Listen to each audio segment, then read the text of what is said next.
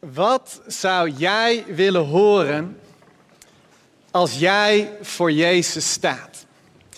Denk je wel eens na over deze vraag. Wat zou je willen horen als jij voor Jezus staat? Je eerste fysieke ontmoeting met Hem. Het moment dat je Hem kunt aankijken in zijn stralende ogen. Wat zou jij doen? Wat zou jij zeggen? Maar eigenlijk is die vraag niet het belangrijkste, wat jij zou doen of jij zou zeggen. Maar, maar wat zou Jezus doen? Wat zou Hij zeggen als jij voor Hem staat? Denk je wel eens na over die vraag? Want dat moment, dat gaat komen. Ik weet niet wanneer. Maar als ik de afgelopen week weer naar het nieuws kijk en de beelden uit Afghanistan zie, van, van Nederlanders, hoe ze aan het protesteren zijn tegen de komst van Afghaanse vluchtelingen, dan breekt mijn hart en dan, dan, dan spreek ik hardop uit in mijn woonkamer, Heer, het is tijd. Het is tijd dat, dat u terugkomt. We hebben het geprobeerd en we hebben het opnieuw bewezen.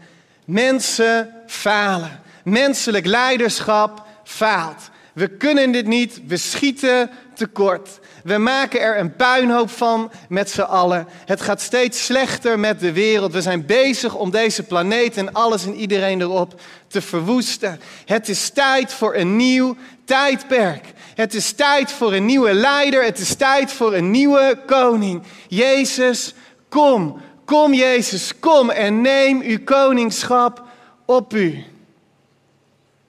Maar zoals wel vaker is Jezus een stuk geduldiger dan ik. En Jezus wacht. Hij wacht.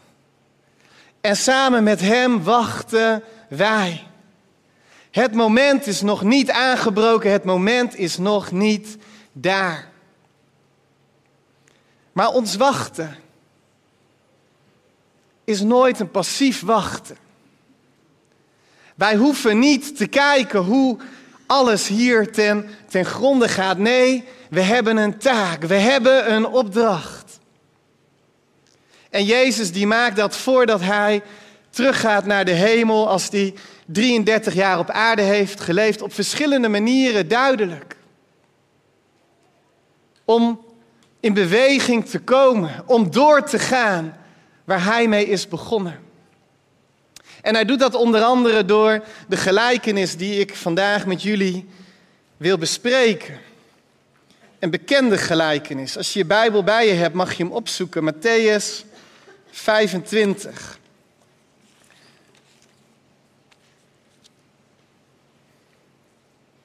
Vanaf vers 14.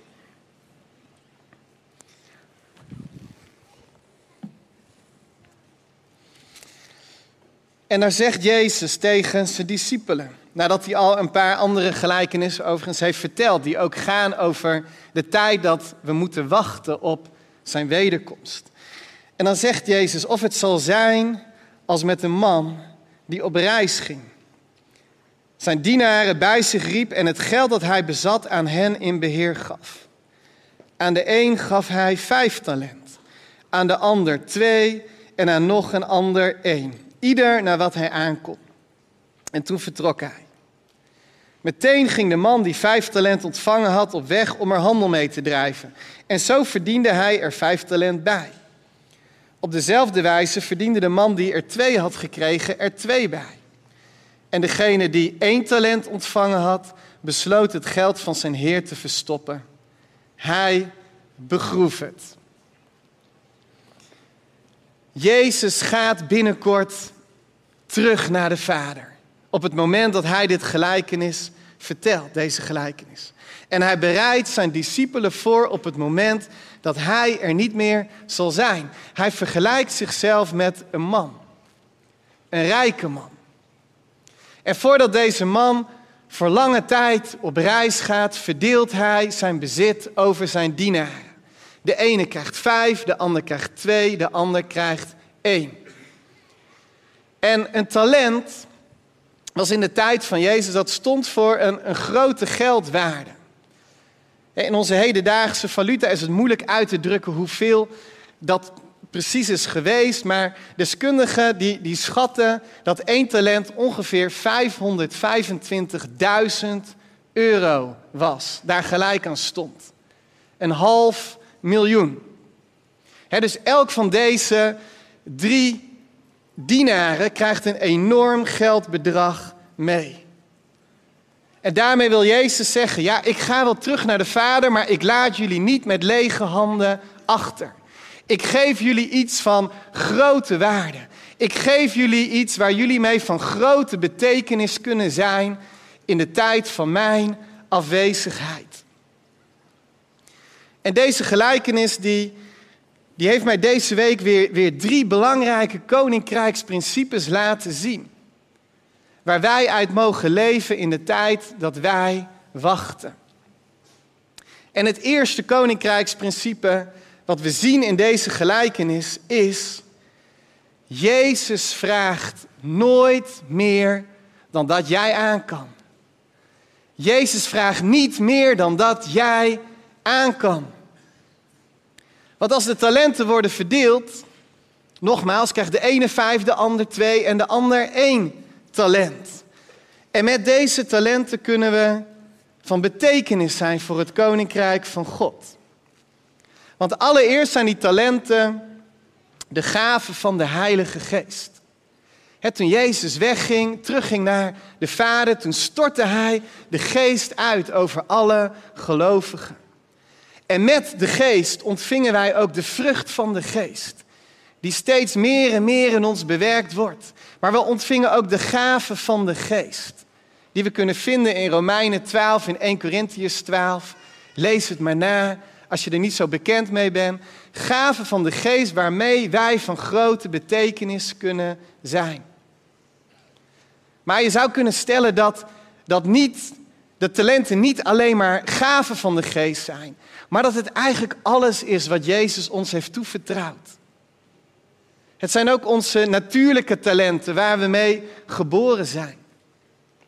Het is ook de rijkdom die die Jezus ons heeft gegeven in dit leven. Uitgedrukt in, in geld, in bezit, in, in, in relaties, in de tijd die we hebben.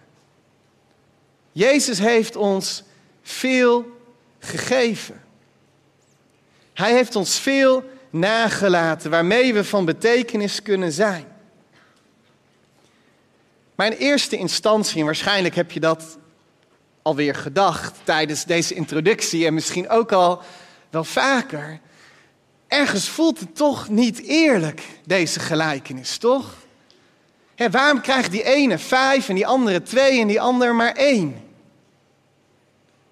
Dan, dan lijkt het toch alsof de Heer de ene persoon belangrijker vindt dan, dan de ander. En we hebben toch geleerd dat we allemaal gelijkwaardig zijn voor Jezus. Dat er geen verschil is in het koninkrijk van God. Waarom vertrouwt Jezus de een meer toe dan de ander? Als tiener vergeleek ik mezelf een korte tijd met mijn oudste broer Henk. Veel van jullie zullen hem ook wel kennen. En toen we tieners waren, ja, Henk zat op het gymnasium en ik deed de HAVO. En Henk die was zo goed in zijn muziekinstrument dat hij conservatorium mocht doen.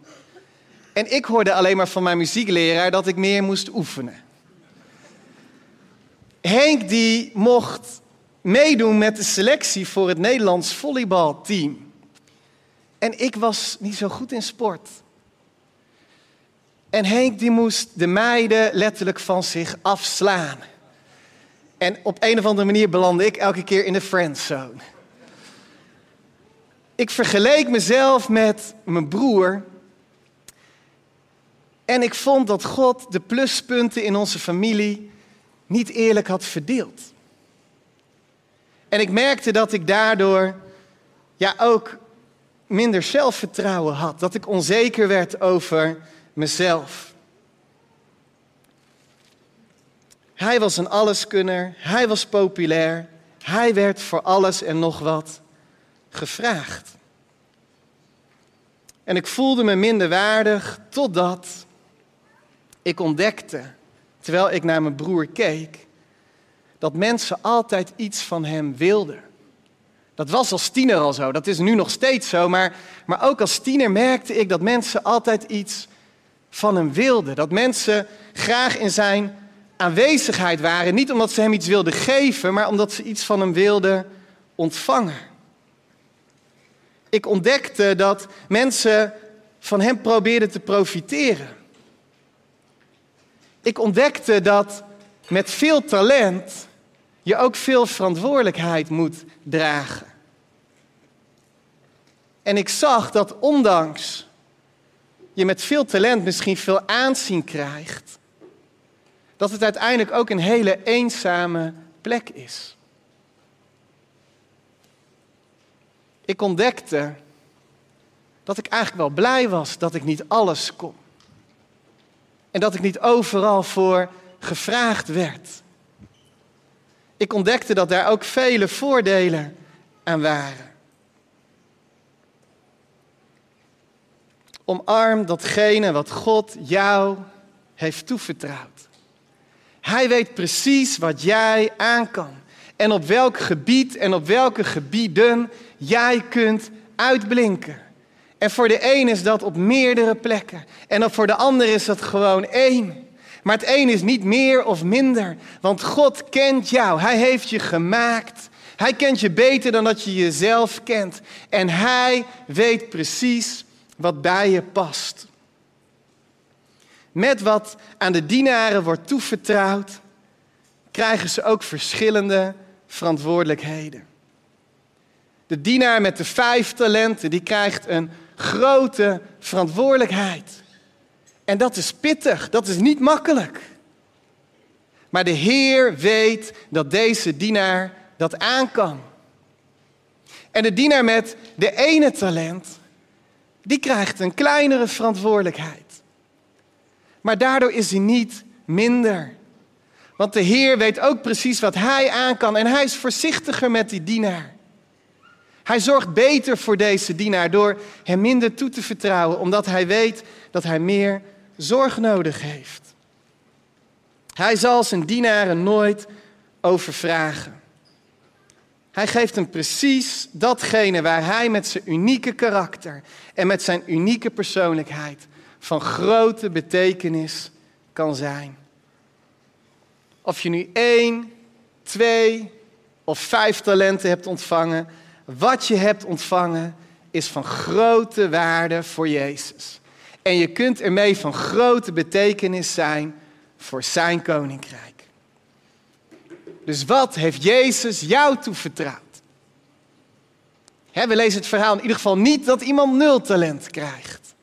We hebben allemaal iets. Wat heeft Jezus jou toevertrouwd? En ben je er blij mee? Heb je het al omarmd? Of ben je jezelf nog aan het vergelijken met anderen? Omdat Jezus in anderen iets anders heeft gelegd, wat jij ook wel zou willen hebben. Of dat Jezus in anderen iets meer heeft gelegd dan wat hij in jou heeft gelegd. Vergelijken is, is de dief van vreugde. Het rooft je van, van je blijdschap. Je kunt pas genieten van wat God in jou heeft gelegd als je gaat zien dat dat precies is wat bij jou past. God geeft je nooit meer dan dat jij aan kan. En het tweede koninkrijksprincipe wat we lezen in deze gelijkenis is: het maakt uit wat je doet met wat Jezus je heeft toevertrouwd. Het maakt uit wat je doet met wat Jezus je heeft toevertrouwd. En ja, dat wordt op een pijnlijke manier duidelijk. Want die dienaar met dat ene talent, de dienaar met de kleinste verantwoordelijkheid, die besluit om helemaal niets te doen met wat de Heer hem heeft toevertrouwd. Wat zonde. Er zijn vele redenen in het leven om je talent te begraven, om er niets mee te doen. Maar de belangrijkste reden, tenminste die ik het meest hoor in deze gemeente, is denk ik drukte. We, we hebben constant het over hoe druk we zijn. En veel te vaak benutten buitengewoon begaafde mensen hun God gegeven potentie niet of niet ten volle in het koninkrijk van God, omdat ze te druk zijn. Te druk met hun studie, te druk met hun werk, te druk met hun nieuwe huis, te druk met hun gezin, te druk met sporten. En begrijp me niet verkeerd. Dit zijn allemaal mooie en belangrijke dingen waar onze tijd naar uit mag gaan, waar onze tijd naar uit moet gaan. Maar het mag nooit een reden zijn om daarom dan maar niet mee te bouwen aan het koninkrijk van God. Om dan maar je talent te begraven. Om dan maar passief te wachten totdat Jezus terugkomt en er een einde komt aan dit tijdperk. Vandaag hebben we een bedieningenmarkt. En op tal van plekken kun jij met jouw unieke persoonlijkheid, met jouw gaven, met jouw talenten van grote betekenis zijn. Voor het koninkrijk van God hier op aarde. We leven in een gebroken wereld. We leven in een maatschappij van God los. Maar hier mogen wij samen bouwen aan een geestelijk huis. Waar mensen Jezus leren kennen.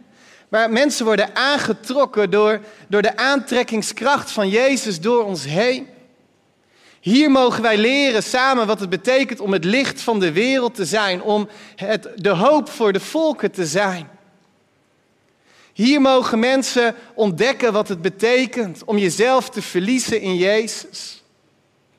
Hier mogen we samen steeds verder groeien, meer en meer in het volgen van Jezus.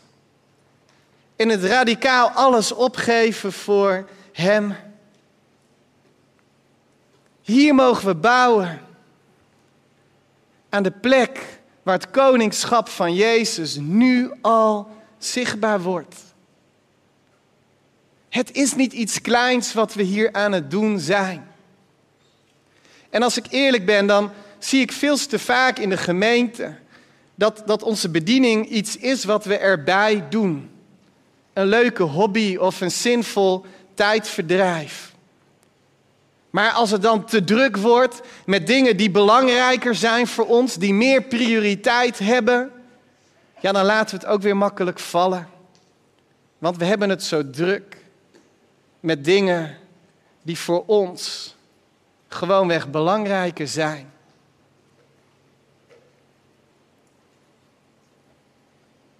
In vers 25, als we verder lezen, dan zien we dat de dienaar met het ene talent zich verontschuldigt als hij voor zijn Heer staat. En hij zegt, uit angst besloot ik uw talent te begraven. Alsjeblieft, hier hebt u het terug. Ik denk dat er nu vooral veel mensen zijn in deze tijd die niet hun talenten begraven omdat ze bang zijn voor hun Heer, maar eerder omdat ze onverschillig staan tegenover hun Heer. Ze zijn niet bang voor wat Jezus zou kunnen zeggen of wat hij zou doen als hij terugkomt. Maar ergens hebben ze de overtuiging dat het niet zoveel uitmaakt wat ze in die tussentijd doen. De onverschilligheid die ons vertelt dat het niet uitmaakt of wat we doen met wat de Heer ons heeft toevertrouwd, is misschien nog wel erger dan angst. Want het maakt uit. Het maakt uit voor Jezus wat je doet met wat Hij je gegeven heeft. waarmee Hij je heeft achtergelaten. Het is Jezus verlangen dat wij ons vermenigvuldigen, dat we groeien. Dat we groeien in, in diepte. Dat we geestelijke groei zien in onze levens. Maar ook dat we ons vermenigvuldigen in aantal. Dat de aantrekkingskracht naar de wereld steeds groter wordt. Op welke manier heb jij je de afgelopen jaren ingezet voor de groei en de vermenigvuldiging van Gods huis? En op welke manier wil jij je het komend seizoen daarvoor inspannen? En daarmee komen we bij het derde koninkrijksprincipe. En de laatste. En daarin zien we dat Jezus zegt: Als je trouw bent in het kleine, zal Hij je aanstellen over meer. Als je trouw bent in het kleine, zal Hij je aanstellen over meer. Want de dienaar die zijn talent begraaft, stelt teleur. En het ene talent wat hij had, wordt hem ook nog eens afgenomen. Maar de andere twee talenten, ja, die kennen een ander einde. En dat lezen we in vers 20. Degene die vijf talent ontvangen had, kwam naar hem toe en overhandigde hem nog vijf talent erbij met de woorden: Heer, u hebt mij vijf talent in beheer gegeven. Alsjeblieft, ik heb er vijf talent bij verdiend. En zijn heer zei tegen hem: Vertreffelijk, goed gedaan. Je bent een goede en betrouwbare dienaar. Omdat je betrouwbaar bent gebleken in het beheer van een klein bedrag, zal ik je over veel meer aanstellen. Wees welkom bij het feestmaal van je Heer. En als we verder lezen, dan zien we dat met de dienaar met de twee talenten die het verdubbeld heeft naar vier, precies hetzelfde gebeurt. Hij krijgt dezelfde beloning. En daarin zien we ook weer dat, dat het niet uitmaakt of Jezus jou meer of minder heeft toevertrouwd. De beloning is hetzelfde. Beide dienaren mogen binnengaan in de feestmaal van hun Heer. En beide dienaren krijgen de belofte dat ze worden aangesteld over veel meer. Het is een principe wat ik ook herken in het koninkrijk van God. Wat ik zie in deze gemeente. In principe die ik ook zie in christelijk Nederland. Iemand zei eens tegen mij: Mijn droom is om net als David de Vos voor grote groepen mensen in Afrika te prediken over Jezus Christus. En ik keek hem aan en ik vroeg hem: Wat doe je dan nu om daar over zoveel jaar te zijn? En hij keek me onbegrijpend aan. En hij dacht: Ja, ik wacht gewoon totdat Jezus de, de, de weg baant, tot hij een gelegenheid creëert waarin ik dat kan gaan doen.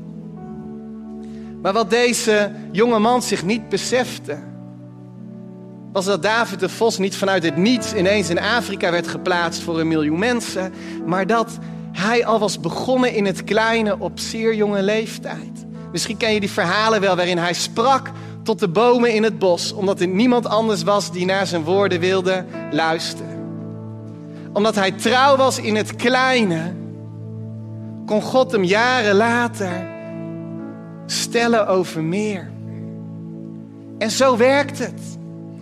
Daar kan ik zelf ook van getuigen. Vecht nooit voor jouw plekje. Probeer niet gezien te worden. Begin in het kleine wat Jezus je toevertrouwt en wees daarin trouw.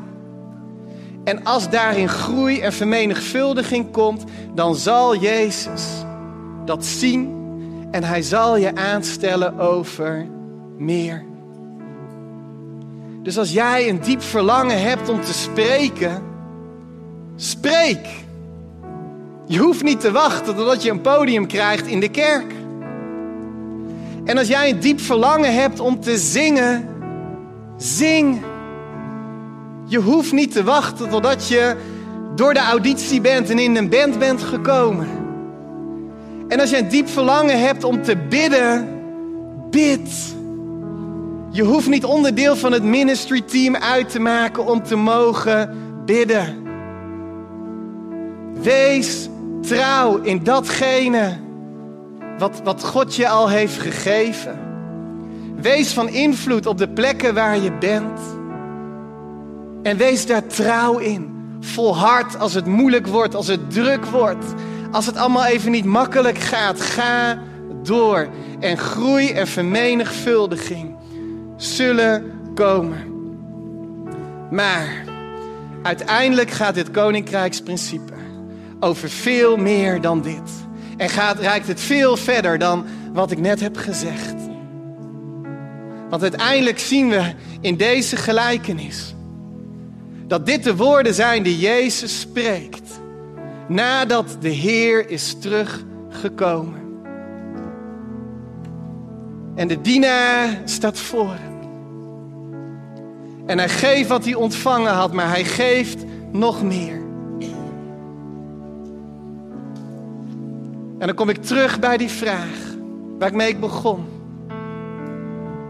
Wat hoop jij te horen als jij voor Jezus staat? Als jij voor die schitterende en stralende Jezus staat. Met zijn ogen vol vuur en een stem die klinkt als vele wateren. Waarbij je niets anders kan dan als dood neervallen op je aangezicht, omdat je zoveel heiligheid en schoonheid niet kunt verdragen. Het moment waarin je nog geen woord over je lippen kunt krijgen. Omdat je zo weggeblazen wordt door al die glorie. Wat hoop jij dat Jezus op dat moment tegen je zal zeggen? Mijn diepe verlangen is dat Jezus me zal aankijken en dat hij zal zeggen: Goed gedaan, Mark. Goed gedaan, jij trouwe en goede dienstknecht. Goed gedaan. Voor die woorden leef ik. Voor dat moment leef ik. Het is het enige moment wat er werkelijk toe doet. Het is niet je huis. Het is niet je baan. Het is niet je studie. Het is zelfs niet je gezin. Het is alleen maar Jezus. En hoe leef jij je leven hier op aarde om die woorden te kunnen horen op het moment dat Hij terugkomt? Leef niet voor wat mensen belangrijk vinden. Leef alleen voor de goedkeuring van jouw koning, van jouw Heer. Span je in voor datgene wat Hij belangrijk vindt. Amen. Zullen we gaan staan en samen bidden?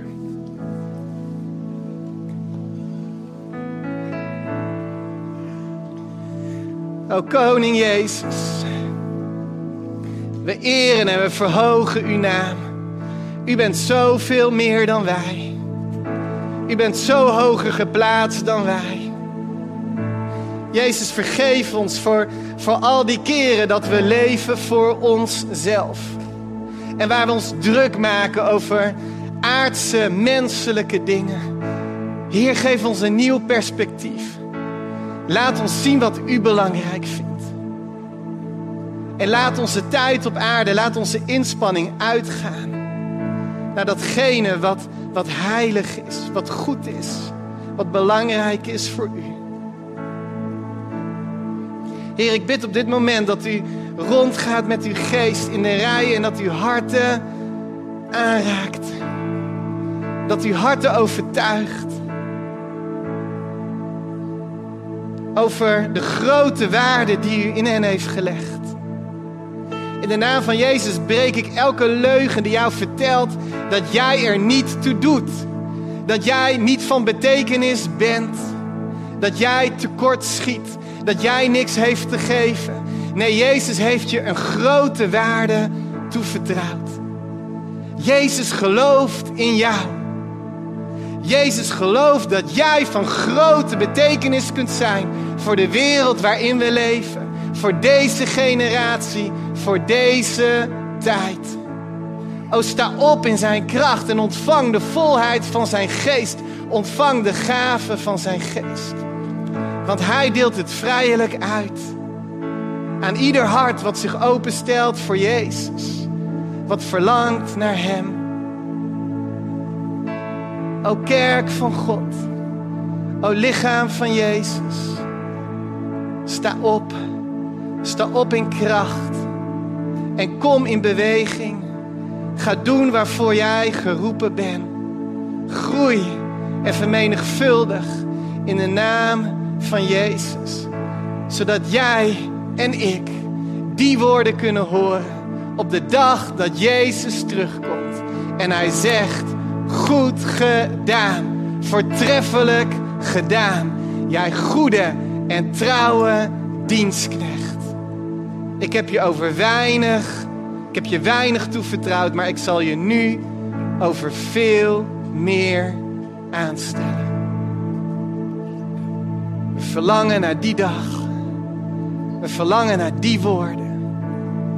En we spannen ons in voor wat u belangrijk vindt.